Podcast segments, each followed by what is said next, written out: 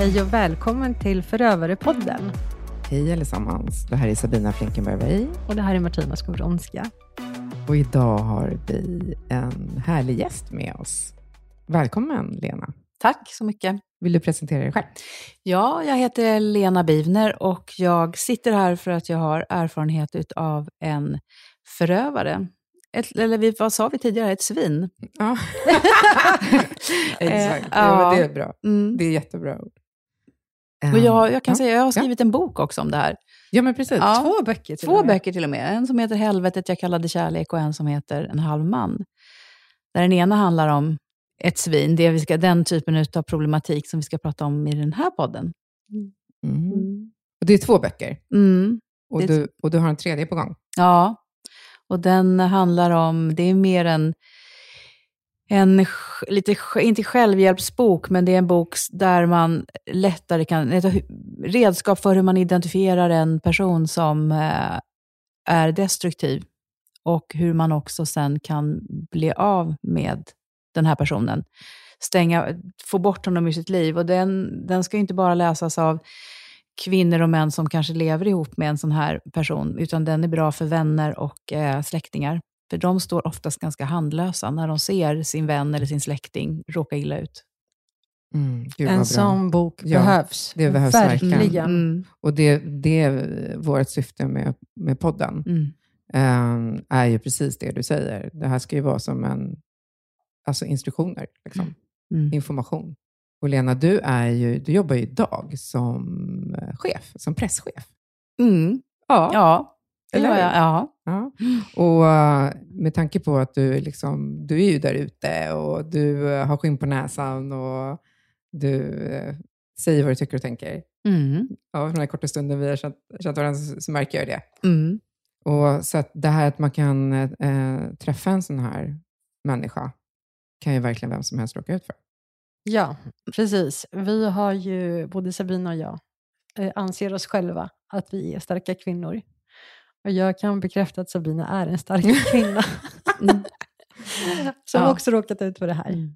Mm. Vad, vad, Lena, vad har du för kommentar kring det här? Nej, jag tycker, jag är nog, det är så roligt när vi har, vi har ju setts eller träffats en halvtimme här och det var ju min första känsla när jag träffade er, att det här är två starka kvinnor. Eh, och när folk brukar beskriva mig så brukar de också ha, alltid ha med epitetet stark kvinna.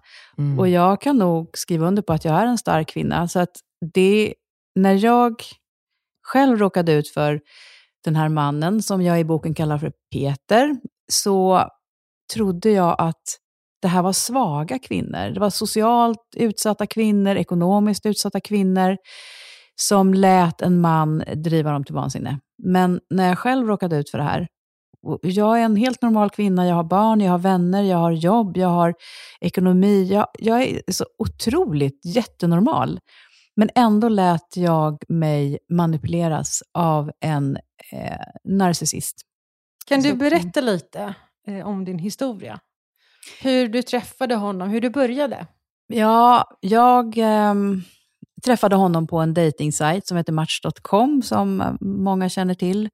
Och eh, vi skrev till varandra och så träffades vi första gången. Och jag vet att jag tänkte, oj vilken snäll liten gullig kille. Han kom, han var, hade råkat ut för en motorcykelolycka, så han liksom haltade lite och, och, och gick lite så här speciellt. Och sen tittade han under lugg, han var lite gråsprängd och ganska lång och smal. Och så, hans, och så, vårt samtal sen var väldigt, det handlade väldigt mycket om känslor. Det handlade om barn, familj och vikten av att visa varandra kärlek. Och jag, jag tänkte, men gud, vad fin, vilken fin kille det här är. Men det, stod liksom inte, det slog inte gnister på en gång. Men sen så bestämde vi oss för att träffas en gång till. Och eh, då blev jag sanslöst förälskad i den här personen. Men det var någonting jag kände med den här killen. Att det var det, en uns av underlighet. Men då hade jag gått i terapi och jag hade pratat med min terapeut om att bara öppna upp och, eh, för kärlek och inte låta mitt, min, mitt intellekt styra vem jag skulle bli förälskad i, utan nu skulle jag bara låta känslorna styra.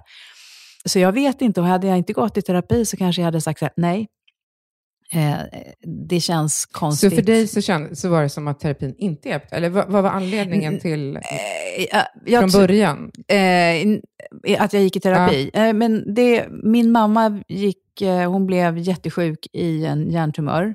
Och sen skilde jag mig i samma veva, så att jag kände att om det är någon gång jag ska gå i terapi så är det nu. Mm. Ah, och det var en jättebra terapi, verkligen. Men eh, jag tror att det där spelade lite spratt. Men eh, jag kanske inte alls hade, jag kanske bara hade, jag trodde att det skulle bli en liten sån här, så här rebound som man säger, att det här är min första förälskelse på många år. Jag lämnade en ganska tråkig och trött relation.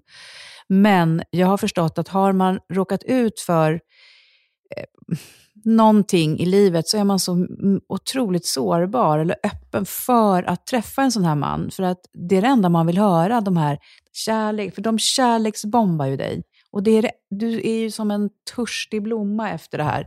Så att, och det, där, det finns någon eh, kemi mellan en, ett, en förövare och ett offer tror jag. Speciellt om hon har haft, eh, hon kanske änka, hon kanske har råkat ut för en trasig eh, skilsmässa eller att någon förälder har dött eller hänt någonting med barnen. Det är som man är... Men så var det inte för dig Martina. Du hade ju, alltså du hade ju, Jag, hade Alltså, du- ju, jag var ju singel Mm. när jag träffade min Adam. Men, eh, så att jag var ute och letade efter den här killen som jag ville träffa för en seriös relation.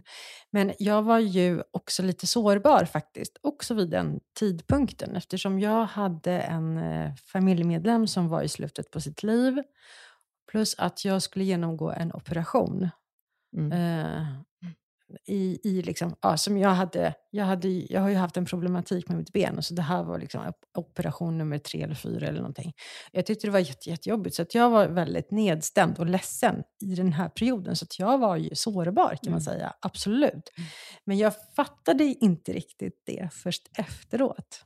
Nu sa jag så var det inte för dig Martina, och det var precis så det var för dig. Det var inte så jag menade. Den här historien känner jag till. Men jag menade att, jag tänkte så här, för dig var det inte uppenbart, precis. För det var ju inte så för dig. För mig var det ju så när jag blev änka, det var ju så uppenbart. Men man förstår inte det. Nej, men det hade, för, Man för, förstår för min det. del handlade det inte om själva kärleksrelationen, utan det var andra grejer som var Mm. jobbiga i mitt liv. Men eh, kärleksrelationen så var jag ju singel, så där, där hade inte jag någon eh, historik av att jag var, eh, hade haft någon destruktiv relation Mm. eller var på något sätt... Jag har varit med om eh, någonting Nej, Mm. stort. Liksom. nej exakt. Mm. Men okej, så, du, så du tänker att eh, för din del då, Lena, Mm. så började du gå i terapi och sen Mm, så mm. öppnade du upp för en ny kärlek Ja. efter många år. Ja. Och så dyker eh, Peter upp. ja. Mm. Och ehm, precis som i de här relationerna så är det ju någonting... ehm, alltså, det, det, det är ju en passion som eh, jag nästan aldrig har varit med om. Och det går väldigt, väldigt snabbt. Och vi, vi träffas i stort sett jämt. Och när vi, men jag kommer ihåg när vi hade varit tillsammans i två, tre månader så skulle jag hälsa på en kompis på Sandhamn. Och då blev han jättekonstig. Och så sa han att han skickade ett sms. Så sa han så här, lek inte med mina känslor. Och jag tänkte att jag förstod ingenting. För att jag hade ju, vi var ju så kära och förälskade. Och jag tänkte, hur, om jag skulle leka med hans känslor, så vad har jag gjort för fel? Och jag började ju, i och med att hade jag suttit idag och någon hade, hade fått det smset, så hade jag ju skickat tillbaka det till den som hade skickat smset och tänkt, den här personen är galen. Men i och med att förövaren är så kärleksbombande och så fin, eh, så börjar jag ju titta inåt och undra, jag måste ha gjort ett fel. För att det, det, jag, eh, den här personen kan inte skicka det här annars. Det är någonting som är fel.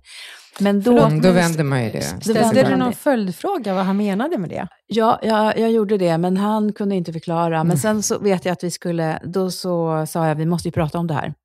Och det här var väl först en av de, eh, alltså vi har pratat om så mycket, för att han har begärt det för att det har varit fel, och jag har inte förstått vad som har varit fel. Men då träffades, träffades vi hemma hos mig, och eh, jag försökte få honom att förklara vad det var. Och då sa han att det är så här att eh, jag hatar tjejer som säger att kompisar är viktiga. De kommer aldrig att förstå vad riktig kärlek är. Och då hade ju han redan gjort, han hade ju lagt en plattform där han förklarade att han var, han hade ju så ninja-kunskaper i kärlek och relationer. Vad bra beskrivet. Ja. Ninja, svart bälte. Svart bälte i kärlek och relationer, för han Oh visste precis hur det skulle Ja. gå till. Och jag hade ju.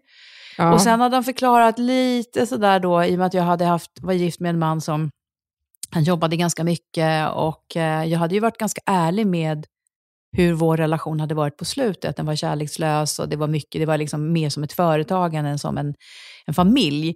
Och sen hade jag väl sagt lite grann att min pappa kanske inte var den mest kärleksfulla. Och det där tog ju han till sig och så vände han det mot mig. Och då sa han att jag förstår ju var det där kommer ifrån. Du har ju inte haft det så lätt. Du har ju så. Och sen så sa han att, jag kommer ihåg han sa att han stod med armarna omkring sig så här och så sa han, alla andra tjejer jag har varit har alltid velat vara med mig och så vill jag att det ska vara. Och då hade jag, det här var så kort in i relationen så att jag vet att jag gick fram till honom och så sa jag att, men det är ju så att eh, jag vill ju att min pojkvän ska ha kompisar. Jag vill ju att, det är ju jättekul att träffa eh, dina kompisar och en kille som inte har några kompisar är ju, blir ju, är ju jättekonstigt. Eh, och vad jag inte förstod då, det var ju att han kunde ha kvar sina kompisar, men mina kompisar skulle bort. Och det är så de gör. Det här är första steget liksom i att de försöker avgränsa ditt liv, för du ska bara vara till för honom. Det där förstår man inte i början. Om man inte har, då fanns det ju inte så mycket poddar och böcker om det här. Jag fattade Jo, men även ingenting. fast det hade Mm. funnits det, Lena, alltså, det är inte så att du hade så här... eh, Nej. För du förstod ju ändå inte, vad, vad ska man leta på då? Nå, jag, jag började leta ganska snart, på, Mm. efter, så här, för jag fick hjälp av en kompis när jag beskrev hur, hur han var. Mm. Men jag tror att många, precis som jag, tar det här i början som att de är jättekära och jätteförälskade. Men det är det de säger att de är. Och sen så tänker jag så här att han vill bara vara med mig. Och han, den här personen, i och med att han var så nästan som man lite pojkaktig i sitt sätt att vara och jag, jag är mycket mer, vi sa, jag är en starkare person. Eh, så, så tänkte jag att det här, eh, det här är bara ett uttryck för hans osäkerhet. Och då måste jag ju ta hand om, jag måste visa ännu mer kärlek så att han blir trygg. För jag trodde att eh, trygga människor blir automatiskt snälla människor, precis som hundar och andra djur. Trygghet skapar snällhet. Så att jag försökte ju boosta honom med trygghet och visa att jag träffar inga andra, jag finns här för dig, jag är här för dig. Och det där, det blev ju, det här var ju bara första steget och sen blev det ju värre och värre och värre och värre. Så att, Det där är jätteviktigt, Lena, Mm. det du säger nu. Ehm, att vi tror ju då, eh, vi Mm. kvinnor och vi, ja, vi tänkte säga män, men män också då som har varit med om de här fruktansvärda kvinnorna, att ju mer kärlek vi ger, eh, desto tryggare blir ju de. Mm. I, och vi försöker övertala dem, övertyga dem att vi är där för dem, vi älskar dem, vi Mm. kommer aldrig vara otrogna, det är, jag ser bara dig, det finns ingen annan, nej jag flyttar inte på jobbet och så vidare. Desto elakare blir de. Mm. För att de får, det finns så här gränsförskjutningar och det är det hela tiden som sker. Att när han sa att jag inte skulle träffa mina vänner och att det var så viktigt för honom, då sköt jag ju på min gräns eh, därför att jag slutade träffa vänner. Inte, inte direkt, men jag började smussla med när jag träffade vänner. Och då har jag ju förskjutit min första gräns.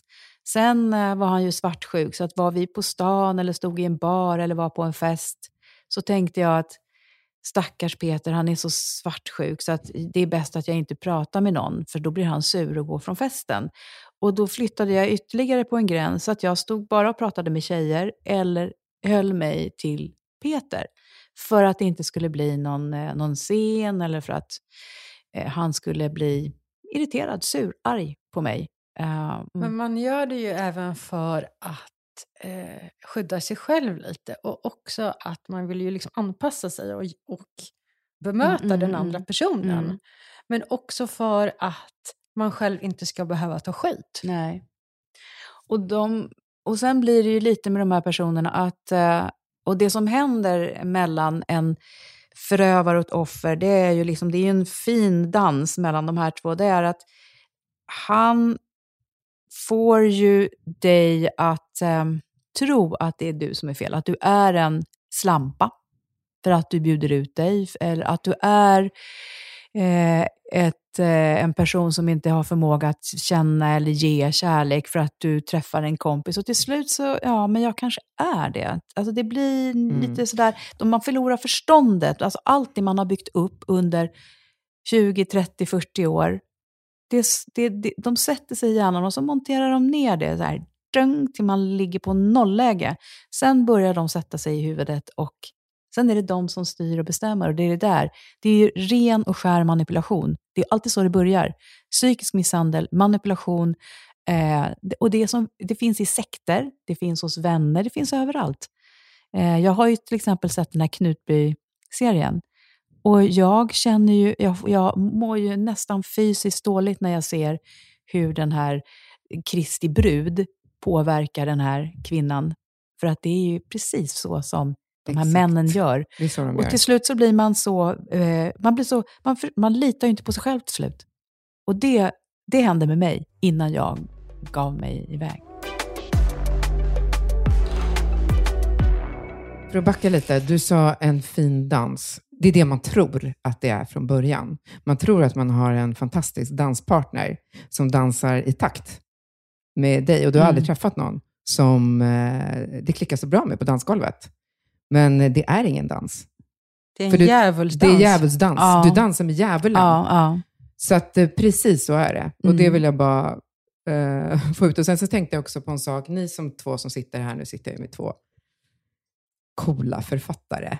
Mm. Ehm, jag tänkte också på en sak nu, bara som slog mig, att eh, kan det vara så att film och böcker om prinsessor och prinsar och det här romantiska och det här liksom hur det ska gå till kan förstöra en del? Alltså jag har tänkt på det, liksom, att det, mm. det är väl klart att det ska finnas det också. Men hur ska man kunna liksom få barn i ung, i ung ålder och sen i skolåldern och förstå att, alltså att det är man själv som kan sätta stopp och att det, det här är inte okej, så här kan du inte göra mot mig och dra sig bort. Att man har rätt att just det, att lita på sig själv. Och alla kommer inte där som en eh, räddare, för de vill förgöra. Nej, men det, Nu låter det lite kanske hårt att barn ska läsa sådana böcker, men ni Mm. förstår vad jag menar. Nej, men jag har eh, länge mm, känt att det, det, alltså det, du säger det är, det är jätte, jätteviktigt, för att det finns en bild av att kvinnor ska vara den här ehm, personen i en familj som skapar samband, står för det mysiga och kanske också ska gjuta olja på vågorna när mannen blir aggressiv. Och det vet man ju redan på dagis att om en kille är lite bråkig och drar en tjej i håret så är det så här, han har lite spring i benen, kärlek börjar alltid med bråk. Och en tjej som säger ifrån eller är förbannad eller själv är kaxig, det blir ju nästan eh, lite konstigt. Hon, mår hon bra eller vad har hänt med henne? Hur är hon? Och det där, och fortfarande så sätts en tjej mellan två killar, bråkiga killar i en klass. För att hon ska liksom hålla de här killarna stången, Mm. de ska inte sitta bredvid Exakt. varandra. Stackars Hanna. Och det här är att vi ska vara den här... Och, det, och film, du pratade om film och böcker. Hur många gånger har man inte läst och sett eh, på filmer hur en, en, en eh, vän flicka får en, eh, en man att bli den här mysiga killen. Jag kommer ihåg, vad heter den då? Eh, Grease, bara kommer upp Mm. i mitt huvud. Där han är värsta eh, gangsten och lite så här skitstövel. Och så kommer hon, eh, eh, Sandy. Olivia, ja, Newton-John, Sandy, och är den här otroligt eh, naiva, gulliga, Ljuva. riktiga, tror jag, eh, kvinnoförebilden. Eh, och får honom att bli en snäll hemmakille. Mm. Det där händer på film, men de Oj, här killarna, det går inte att hjälpa dem. De är så sjuka, så att om det är någon som ska hjälpa dem, om det är någon som, eh, om de någonsin kan bli hjälpta, för där har jag läst ganska mycket att det, har man alltså, narcissism eller är eh, psykopat så är det nästan omöjligt att hjälpa de här personerna. det är omöjligt. och det är till och med Det omöjligt. är omöjligt. Och att tro att man som kvinna, och dessutom förälskad kvinna, så man, man, ligger, man är så svag, eh, det är omöjligt. Och det, jag läste någon amerikansk författarinna eh, som sa att det man gör med sin kärlek, det är att det är som att eh, försöka liksom fylla vänen med vatten med en tesked. Mm. Alltså det, du, du, och det är liksom att fylla deras egon med den här kärleken. Det går inte, det har dunstat innan det når botten. Så du, och det är de här kvinnorna, de kommer med sin tesked och fyller och fyller och fyller och fyller. Och sen vet jag inte om jag sa det där att det finns, jag vet att jag, det här med att det finns liksom nästan ett, ett matematiskt samband mellan ju snällare en kvinna blir, desto elakare blir han. Och Mm. det, det, det är liksom Det nästan som ett likhetstecken mellan dem där. Mm. Mm. Eh, och hur mycket hon ger, ju mer hon ger upp av sitt liv, sina normer, sin klokskap, desto mer tar han. Och sen så blir det, till slut så Mm. har han liksom tagit över allt. Hans ego är fullt och hennes är helt tomt. Jag vill bara eh, prata lite om filmer. För du pratade om Grease, om Mm. den här liksom snälla, fina flickan. Men vi behöver bara backa bandet till Sex and the City. Som Mm. jag vill liksom lyfta lite här. Att där var det ju en serie om starka kvinnor i New York. Mm. De hade bra yrken och de hade fantastiska liksom, möjligheter att, eh, alltså som yrkesmänniskor. Mm. Och de hade sin vänskap och sådär. Och sen så kommer då Mr Big, Mm. som också enligt mig har väldigt mycket narcissistiska drag. Mm. Eftersom han ghostar ju henne hela tiden. Och hon lever på, och hon, han försvinner, han, Han eh, kommer tillbaka, hela tiden. Han försvinner hon kommer tillåter tillbaka. det. Hon Mm. tillåter det, hon sätter ju inga gränser. Nej. Och den här serien är så populär. Mm. Alltså jag Ja. konsumerade ju den. Jag älskade Jag ju med, den. och min dotter har redan konsumerat den. Mm. Och jag tycker Mm. så här, det här, den borde komma med en varningstriangel, den här serien. För att så som han beter sig, man glorifierar Mm. och romantiserar hans Mm. beteende. Mm. Men det här är inte okej. Nej. Och sen tycker jag, han tar ju oproportionerligt mycket tid av de här kvinnorna. Speciellt hon, eh, Sarah Jessica Parker, Mm. vad heter hon? Carrie. Carrie. Det, det, det är ju så otroligt. Den, och, och det är den där, det är också att vi liksom väntar på den rätta och mannen ska komma. Alltså, och, Verkligen. och, och jag, jag läste, jag lyssnade på någon podd och, och, och det smyger sig in en massa värdeord som vi inte tänker på. Men då skulle han beskriva någon som, eh, ja, och snart skulle hon sära på benen för att han skulle tränga in. På något sätt, det- jag kommer inte riktigt ihåg, men det blev liksom att, att det var hon som var offret på något sätt. Hon skulle, alltså hon skulle sära på benen för honom. Alltså, det, alltså vi, vi beskriver kvinnor som, de är bara mottagare av, de är svaga, alltså de beskriver, vi beskrivs som svaga. Och Undrar om vi faktiskt ska liksom ge barnen Game of Thrones? Vad tror ni om det? ja, alltså Det är, här, exakt. det är det här ni ska Mm. titta på. Ja. Precis. Det är så här världen Eller- ser ut. Eller, eller Nej, att, nej, men jag tänker faktiskt så här att om, Mm. om man nu skulle, man får liksom ge betyg på kvinnor och mäns beteenden, så tycker jag ju att kvinnor, vi är, eh, det är liksom kanske lite trevligare, för vi är snällare, vi är inkluderande och på många sätt. Det här är ju så, alltså vi pratar ju, vi, jag generaliserar ju extremt mycket nu, men jag tycker att jag vill fortsätta vara snäll, jag vill fortsätta liksom, bry mig om eh, de killar jag träffar och mina barn. Jag vill vara en empatisk person. Men jag vill bara säga, nej, jag, jag ger min kärlek till den som förtjänar det. Det är det som är så fel. Och det gäller ju samma sak tycker jag i ett, eh, alltså jag har jobbat i svenskt näringsliv i hela mitt liv och sett kvinnliga och manliga chefer. Där i början så skulle ju kvinnliga chefer nästan liksom härma mäns för att de överhuvudtaget skulle bli accepterade. Nu, jag, tycker, jag vill liksom ha chefer som är trygga i sin kvinnlighet och i sitt, det som man, du, man tillskriver en tjej. Men det är mitt sätt att styra och det är det, så jag styr. Jag styr inte på några manliga villkor, utan jag styr på mitt sätt. Och, och det, där tror jag att vi, vi, vi- ska liksom inte... f- f- Alltså, och sen, så, sen är det en individ. Alltså, det finns ju... Jag är en stark kvinna och jag vill fortsätta vara stark och, och inte bli kallad för typ så här, ja men hon är ju ingen tjej, hon är ju som en man typ. Eller förstår ni hur jag menar? att det är... precis. Det var första varningsflaggan där med Peter Mm, eh, efter mm, ungefär tre mm, månader. Eh, vad hände sen då? Sen, sen alltså det som kom, det var ju mycket det här att han eh, blev sur för små saker som jag, jag kunde inte komma på, jag, jag förstod ingenting. Och det var, vi kunde ha haft det så otroligt mysigt. Vi kunde ha precis ha älskat och vi hade ätit middag. Sen var det bara någonting, att jag kunde kommentera, jag kommenterade mm, en munk på tv. Eh, han, eh, vad heter han? En mugg? Munk. Alltså en munk? Eh, vad heter han som har skrivit boken? Dalai Lama? Nej, han som... Nej men jag, gud, jag vet. Jag vet vem du menar. Jag vet precis vem du menar. Björn. Björn. Björn. Björn. Ja, nej men eh, jag kan, får vi klippa det. Nej men jag, vi Jag hade haft det så... Vi hade haft det så mysigt. Vi Ja. hade ätit middag, vi hade älskat och vi låg i, eh, i hans soffa. Och sen så eh, visade de ett inslag, ett gammalt inslag med Stina Dabrowski och Björn, han som eh, svängde från näringslivet och sen blev munk i flera år. Och han var, jag, eh, min förra man var kursare med honom på Handels. Och då så sa jag, så jag bara låg och bara sa, nej men gud den där killen har jag, jag har varit på bröllop med honom. Han, det verkar ju, han har ju verkligen svängt i sitt, om i sitt liv. Vilket, och så sa jag någonting om det där.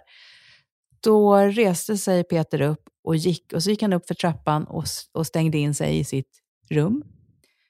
Och jag eh, tänkte att han skulle, att han, jag trodde först att han hade gått på toaletten.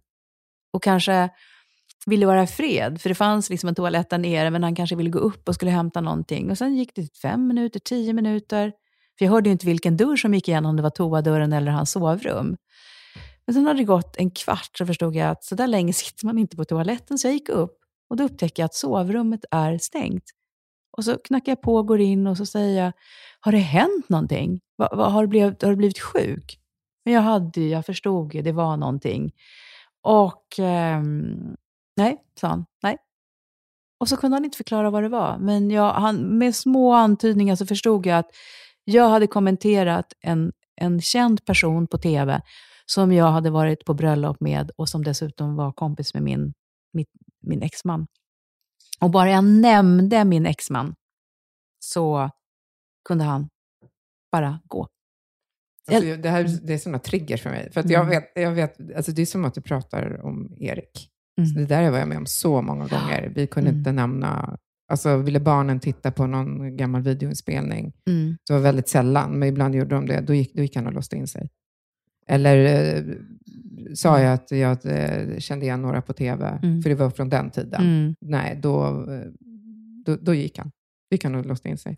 Och då namedroppade jag sen Mm. och försökte vara någon, Mm. för, att jag kände mycket, för att jag kände mycket folk. Mm. Exakt. Väldigt social och ja, har ja. träffat mycket människor. Mm. Då namedroppar jag och försöker liksom förminska honom. Ja, så var det ju med Peter också. Ja, och, och, just, Intressant. och, du vet, och det är de, De här... är likadana. Ja, de är så, det är så och de läskigt. tror att de är så unika, Mm. men det är de inte. Nej, och det, de är det, samma, ja. samma skit. Och det är därför sådana här poddar och böcker är så... Samma svin. Ja, är samma Jag försökte vara svin. lite gullig. Nej, men det är, Jag försökte där, gulla till det lite. Ja, det är därför de här poddarna och böckerna är så bra. Därför att det är ju som att man beskriver i en läkarbok. Ja, men om du har blindtarmen så börjar det med att du ont i magen, sen får du feber och sen får du... Det här är samma sak. Det här är exakt samma som en Sen läkare. måste du in på sjukhus och där måste du stanna resten av ditt liv. Ja, Ska det egentligen stå. Exakt. Men så, så det är Inte liksom... ut i samhället snälla och Nej, nej. liv. Ja, absolut. Du pratade om, om eh, en triangelmärkning. Det sa den här tjejen som han var tillsammans innan mig efter sin mamma till barnen. Hon sa att de här männen, att Peter då skulle triangelmärka, så det gör man med hästar. Som på utsidan ser man inte att det är något fel på dem. Men den här triangeln säger att det finns någonting, någon kota som är fel eller något annat som gör att man, ska, man kan inte försäkra hästen. Och det gör veterinärerna för att man ska förstå att det här är en sjuk person. Så på min bok, så finns, på hans arm, så finns det en triangel. Ja. Så att eh, man borde ju triangelmärka de här männen. Tvångstatuera dem. Exakt. Mm. Det är Mm. bra. bra. Mm. Det ska regeringen tänka på, tycker jag. Exakt. Och att man, Inför nästa val nu. ja, och att man i Danmark och eh, England så kan man ju anmäla psykiskt våld. Mm. Och de, det är straffbart. Det, så är det ju inte i Sverige än. Nej, precis. Vi, Mm. Det kommer dröja ungefär 150 år kanske. Ja. Men eh, så då, då, då märkte du liksom mer och mer att han blev sur och att, att de här sidorna, att han, alltså masken ramlade av, Mm, rent mm, sagt. mm. Eh, men ni var tillsammans i fem år. Ja, fem och ett halvt år, lite drygt. Och då, men det var sammanlagt, för det tog slut efter ett och ett halvt år. Och jag vet att jag tyckte det var så skönt, fast jag saknade honom jättemycket. Men då hade han sett mig cykla och så tog han kontakt med mig och så bestämde vi oss för att träffas igen. Och jag tänkte att då hade ju liksom all den här passionen lite grann runnit av. Men sen sågs vi och då, var det, då, var, då satte han ju igång med den där enorma liksom, charmen igen. Och då tänkte jag att eh, innan jag föll dit att nej men han måste ju ha lärt sig någonting.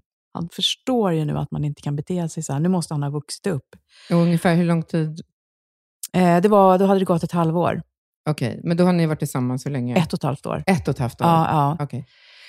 Och ehm, det tog väl kanske en månad eller två, så var han precis på samma sätt. Och har man, har man en gång råkat ut för en sån här man, så när man går tillbaka, det är, det, är, liksom, det är som ett dukat bord för de här. Man, man, man, man går in i samma dans igen, exakt samma dans. Det går inte, hur mycket man än vill. Men de är så skickliga på att bryta ner. Så att, uh, don't go there. Liksom. Det, de, de, ränderna går aldrig ur. Det går aldrig tillbaka. Men Aldrig tillbaka, precis. jag har läst att det tar oftast mellan tre och fem gånger om man gör slut innan kvinnan till slut bestämmer sig för att nu sätter jag stopp för det här. Och det var precis vad som hände. Vi var tillsammans fem eller sex gånger innan jag kände att han är så sjuk. Ah, så att nu lämnar jag honom. Men det, det, är så, det är svårt att göra slut också. För mig var det så svårt. Jag hade ju inga barn ihop med honom. Vi, vi bodde ihop en gång. Men sen sista gången vi var tillsammans så bodde vi inte ihop. Så vi, hade inga, vi, hade liksom inga, vi ägde ingenting ihop.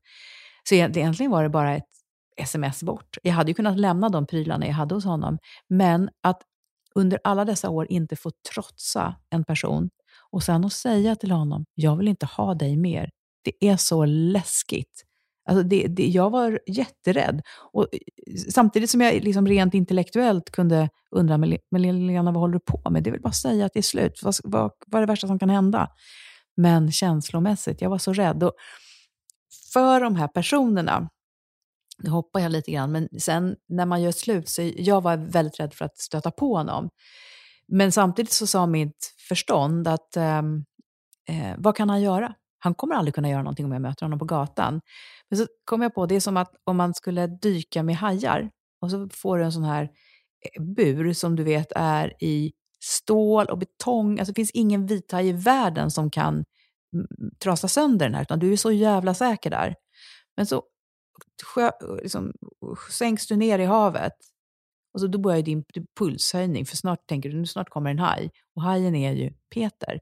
Och så ser du hur han tonar upp där, dunk, dunk, dunk, dunk, dunk, och så hör du den här musiken och så kommer hajen närmare, närmare, närmare. Ditt intellekt tänker, hajen kommer aldrig komma åt mig. Men du är livrädd, alltså du är så rädd så att du, jag måste upp nu, nu, nu. Och det är det som händer med de här personerna. Att det är, känslorna tar ju över eh, i och, och speciellt hos vi, vi starka kvinnor, vi kan ju sortera och strukturera mycket i våra liv. Men det här klarar vi inte av. Alltså fast För vi man ser. vet ju inte riktigt Nej. om den där buren verkligen skulle hålla. Nej, det är det. Man någonstans så Någon gång ja, kanske det är ja, så här, ja, Mm. just nu så kanske den brister. Ja, På grund av feltillverkning. precis. Och sen, Alltså man vet Mm. inte. Och Och sen- jag, jag måste bara flika Mm. in en grej här. Mm. Alltså i somras, så, jag håller på att skriva på min nästa bok. Mm. Och så satt jag eh, och, och gjorde det i somras. Och då satt jag på olika, alltså jag åkte ut till olika ställen. Eh, och satt och skrev på olika kaféer eller uteställen. Och på en dag så kom jag på men jag åker ut till det här stället. Mm. Och det var inte långt ifrån där Adam bor. Mm. Men sen så hade jag lagt upp det på Insta, att nu är jag här och skriver på den här boken. Tror ni inte att han dyker upp där? Jag hade ju ingen aning. Ja. Mm. Fy. Oj, det här visste Han, inte jag. Ja. han såg ju att jag var där i närheten. Han, vadå, han såg dig på Nej, men han Instagram? följer ju dig på Han Instagram. Han följer dig Han med är ju olika blockad. konton och Ja, men han är ju öppnar nya blockad. konton. Han är Ah, blockad, men ah. han, följer, han har ju hittat sätt att Mm. hålla koll på mig. Det är klart Så följer oss. han, eh, nej, men han dyker upp. Mm. Jag, jag fattade inte att, att det kunde gå så långt. Mm. Att han tog tillfället i akt och faktiskt Mm. sökte upp mig. Gick han fram till dig? Han gick fram till mig. Mm. Jag, jag satt och, och, och skrev. Mm. Jag hade liksom datorn och sen eh, var jag liksom med ansiktet mot vattnet. Så han kom bakom mig. Så han Mm. stod bakom min rygg. Och jag vet inte hur länge han har stått där. Men han, eh, han på något sätt... Jag kände liksom blickar i nacken. Och när jag vände mig bort, eller jag vände liksom mig eh, bakåt, så står han där och stirrar på mig. Gud vad obehagligt. Och så Mm. säger han någonting, men han stod för långt bort. För det var ju några meter, det var liksom ett bord mellan och sen så var det liksom några meter till. Så jag hör, jag hör bara att han mumlar någonting, att han rör på läpparna. Mm. Och sen så går han därifrån. Han vänder sig om och går skitsurt därifrån. Så att, Alltså. så att den här hajen, Ja. Mm. alltså den finns där. Mm. Man är livrädd för, för dem. Jag vet inte riktigt vad Så det från, är. så Ja. från den dagen så tänkte jag så här, jag kommer ju aldrig mer kunna checka in var jag är någonstans nu. Jag får göra det i efterhand. ja. När jag liksom kommit hem Mm. så kan jag säga att jag var här och där. Mm. När, jag, när jag gjorde de här sakerna, om jag nu ska lägga upp det. Mm. Men inte i stunden. För Nej. att han kan ju dyka upp. Precis. Åh, vad obehagligt. Ja, verkligen. Usch. Men, Alltså, mm. ja. Jag vet att eh, Peter då, han... Eh, jag, jag jag tänker att han aldrig kommer att läsa boken. Jag tror faktiskt inte att han eh, har gjort det, för att han, det, är, det är lite typiskt honom. Men ehm, eh, vad skulle jag säga med det? Jo, att när vi...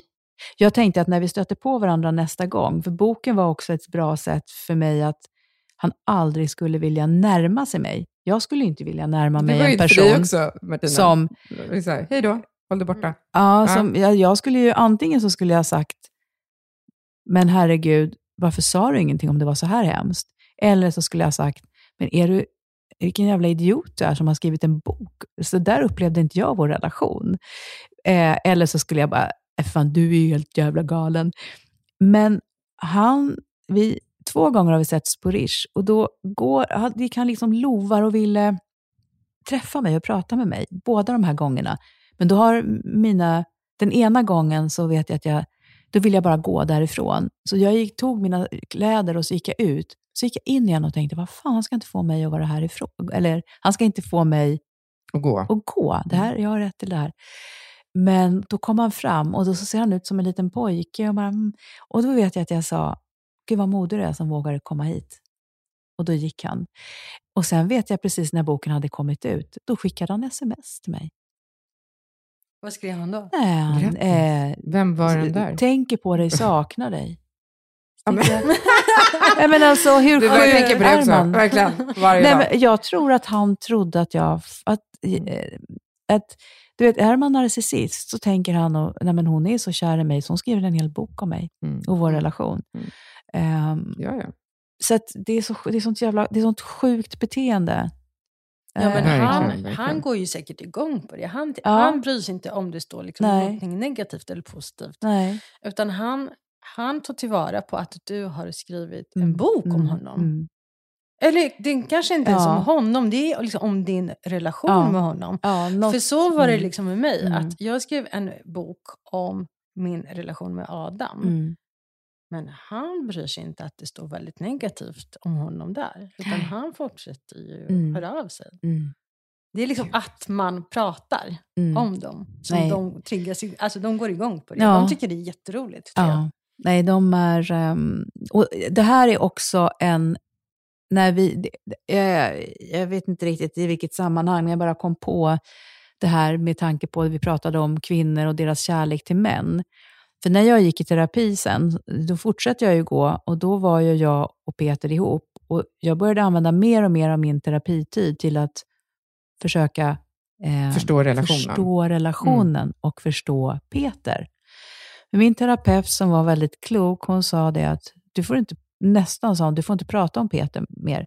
Därför att alltså, det här är så klassiskt, sa hon, att kvinnor ägnar så mycket tid om att försöka förstå de här männen.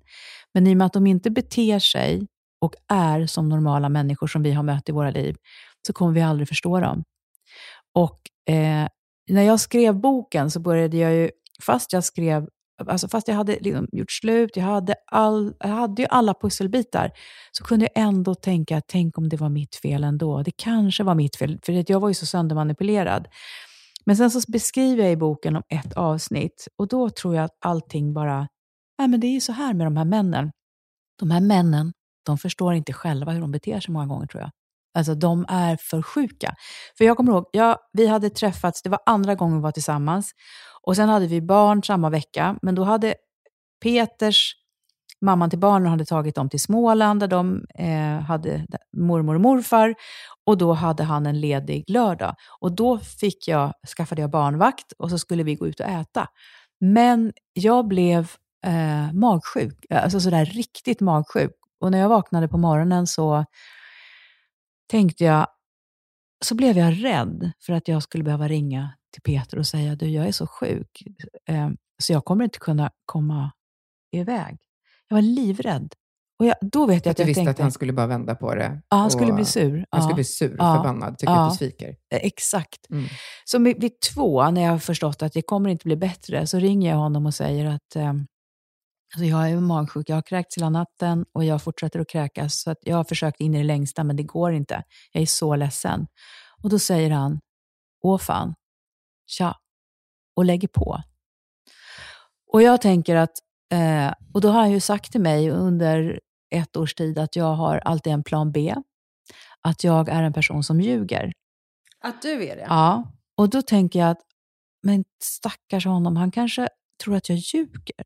Och tänk om han tror att jag ska träffa någon annan istället. Alltså, så, du Så blir vänder, att du överförklarar dig? då, ja, jag vänder det. Då vänder har ju han, dig. han har Mm. ju satt sig i mitt huvud nu, så nu hör jag ju hans ord och så projicerar jag dem mot mig själv. Men sen så kommer jag på hur de här männen som jag tror är fungerar. Därför att om du och jag hade tagit, vi skulle gå ut och äta och så blir jag sjuk, så ringer jag till dig och säger, alltså det här funkar inte, jag måste vara hemma. Då gör ju du så här att du tänker, nej men stackars dig, ska jag, ska jag komma över med en blåbärssoppa? Ring om du behöver någonting. Samtidigt som du tänker, jävla vad synd, solen skiner, jag hade verkligen velat gå ut och käka med Lena ikväll, men det är som det är.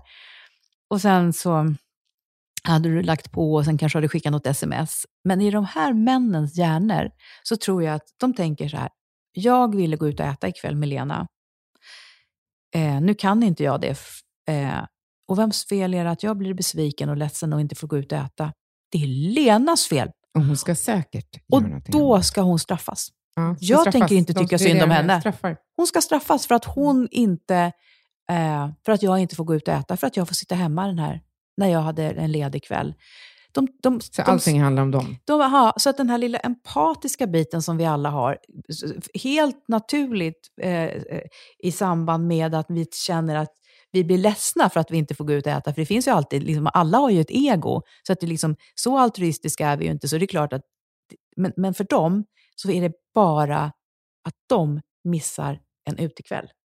Men att den personen de skulle gå ut med som är Jättesjuk. sjuk, det finns inte. Nej, det finns Och i, inte. och, och, och i värsta fall så tror de att den här personen ljuger. Ja. Men, men eh, Lena, hur var din, vad hade du för eh, nätverk runt omkring som visste om det här? Vad hade dina vänner, familj, såg de några tecken? Mm. Ja, precis. Mina, vad barn, tänkte de? Ja. mina barn de tyckte att Peter var eh, hemsk för att han var jätteelak mot dem. Eh, mina, ja, han, han frös ju ut dem fast vi bodde ihop. Han, ehm, när de var hos mig, så det enda gången han pratade med dem, det var när han skällde på dem. När vi skulle äta middag så tog han sin tallrik och gick in i rummet och åt, för att han ville inte hänga med mina barn.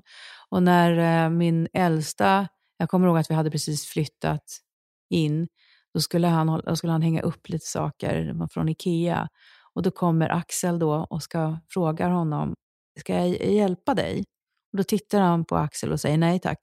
Sen då går det fem minuter och så ropar han på sin äldsta dotter och säger, har du lust att hjälpa mig? då känner jag att det här Allt kommer för, för att trycka ner. trycka ner och visa. Och då känner jag att det här kommer aldrig att gå, fast vi nu bor ihop. Och, ehm, och sen att han... eh, Men det här är ju ett sätt, eh, som jag pratade om tidigare tror jag, men liksom det är, först är det vänner, sen är det ju familjen, barnen. Jag fick ju inte prata om mitt jobb heller. Allt jag sa om mitt jobb, det var Han kände sig hotad. hotad. Och allting. Och till och med när vi satt och hade middagar och jag kanske ville prata om det som hände i omvärlden, så sa han, jag är inte in- intresserad av politik, jag hatar det. Vi ska prata om oss. Men vi kan ju inte bara prata om oss. Jo. Och det innebar att vi skulle prata om vår relation. Och det kände jag att det... Alltså, ja, men, eh, mm. men, eh, men mitt nätverk, i och med att det tog slut efter ett och ett halvt år, då erkände jag ju allting. Så jag berättade för mina vänner, jag berättade för, eh, inte för barnen för de var så små då, men eh, så alla visste ju om det. Och jag har aldrig skämts för att jag har råkat ut för den här, för honom.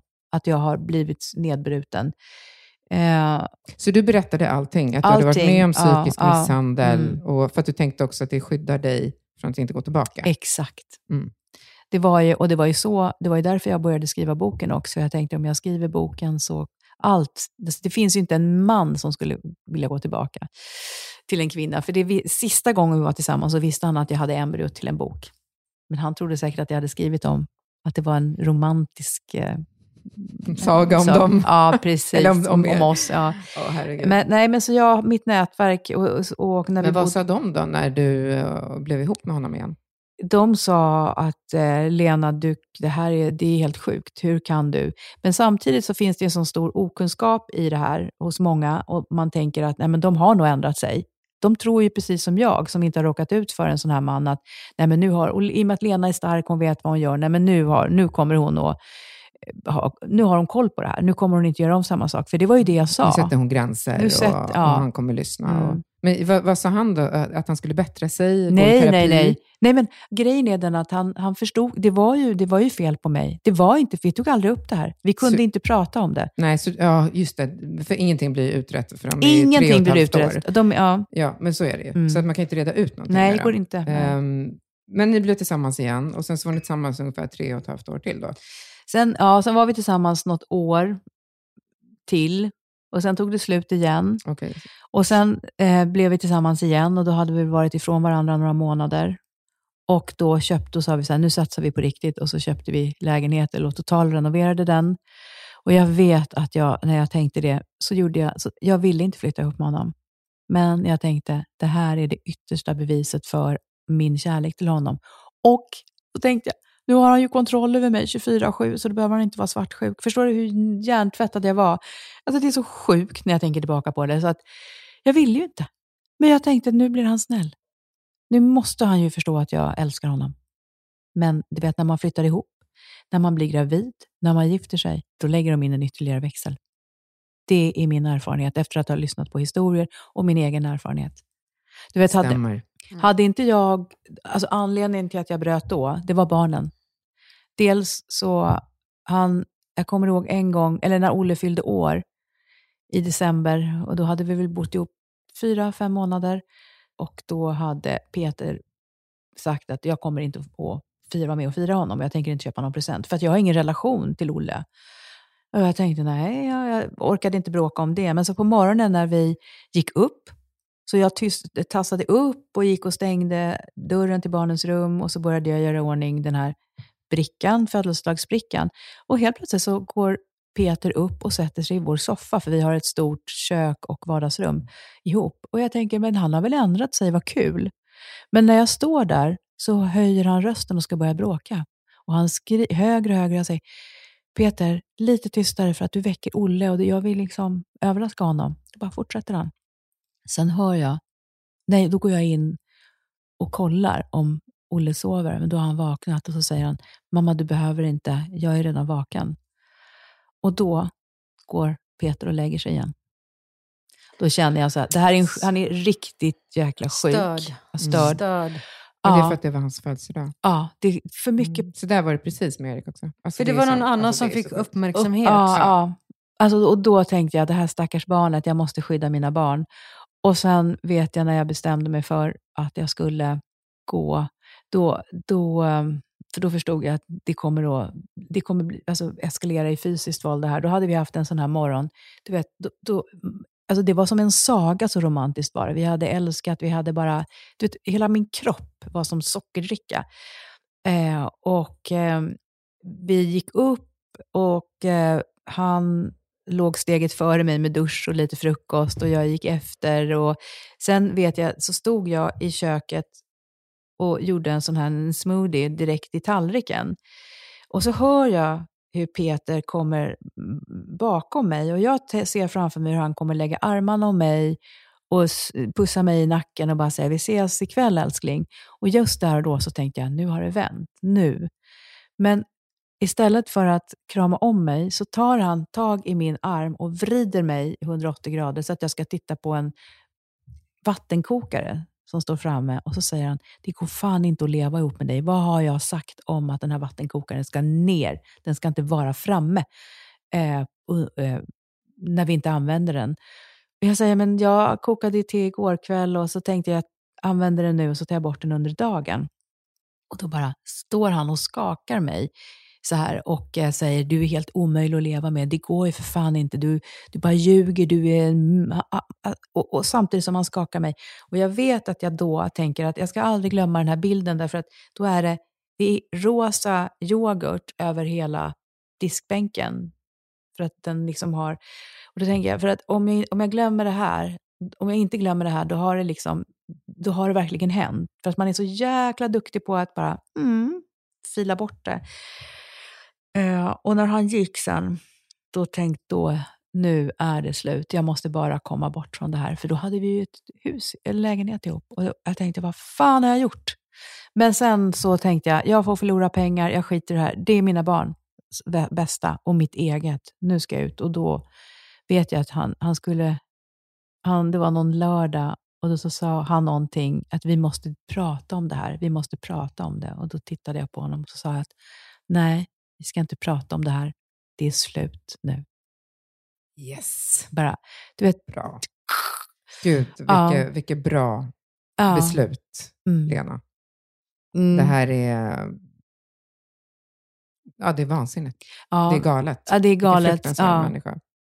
Och jag tänker på alla stackars kvinnor som inte orkar bryta där för att de av ekonomiska skäl inte kan. De kanske har barn med förövaren mm. och de kanske är ännu värre däran med slag och hot. Och jag lyckades bryta, men jag är ganska, på ett sätt kan jag känna att det låter sjukt, men jag är lite nyfiken om vad som hade hänt om jag hade bott ihop med honom ett halvår till.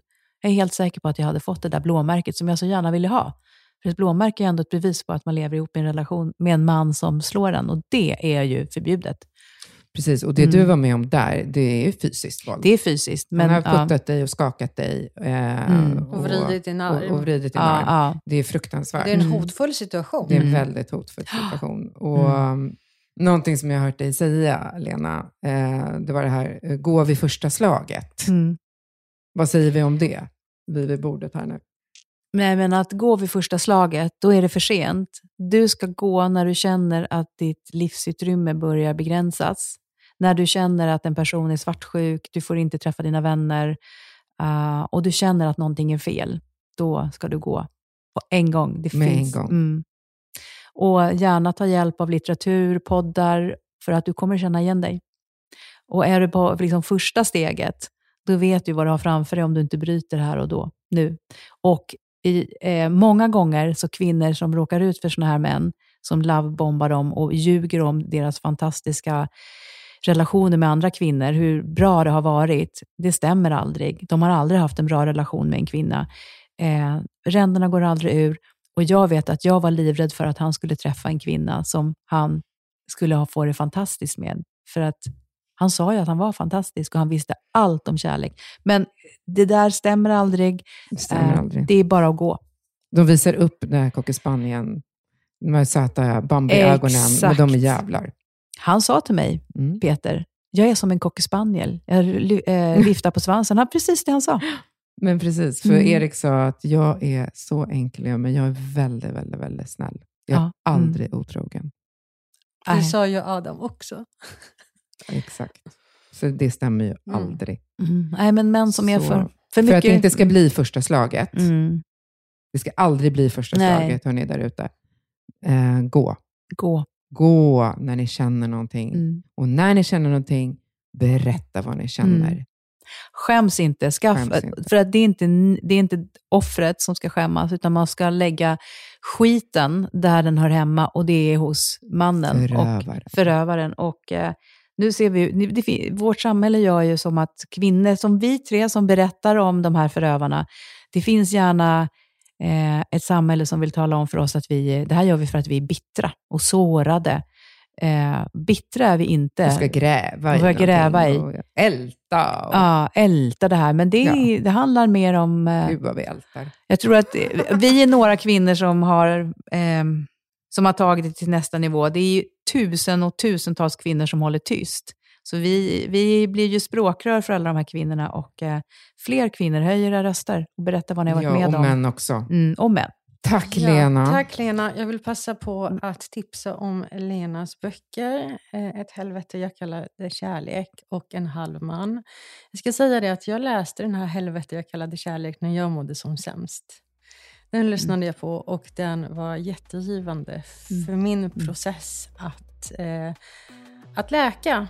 Mm. Och den tipsar jag också om i min bok Genomskåda narcissisten. Jaha, kul. Ja, Mm. det visste Och det du visste inte du? Nej, det visste jag inte alls. Okej, fick du Nej. reda på det? Ja, ja, jättekul. Vi- Så läs på och som du sa, eh, läs på, lyssna på poddar, läs på om det här. För det här är jätte, jätteviktigt. Och prata om det. Mm. Ja, och lyssna på den här podden, som du gör.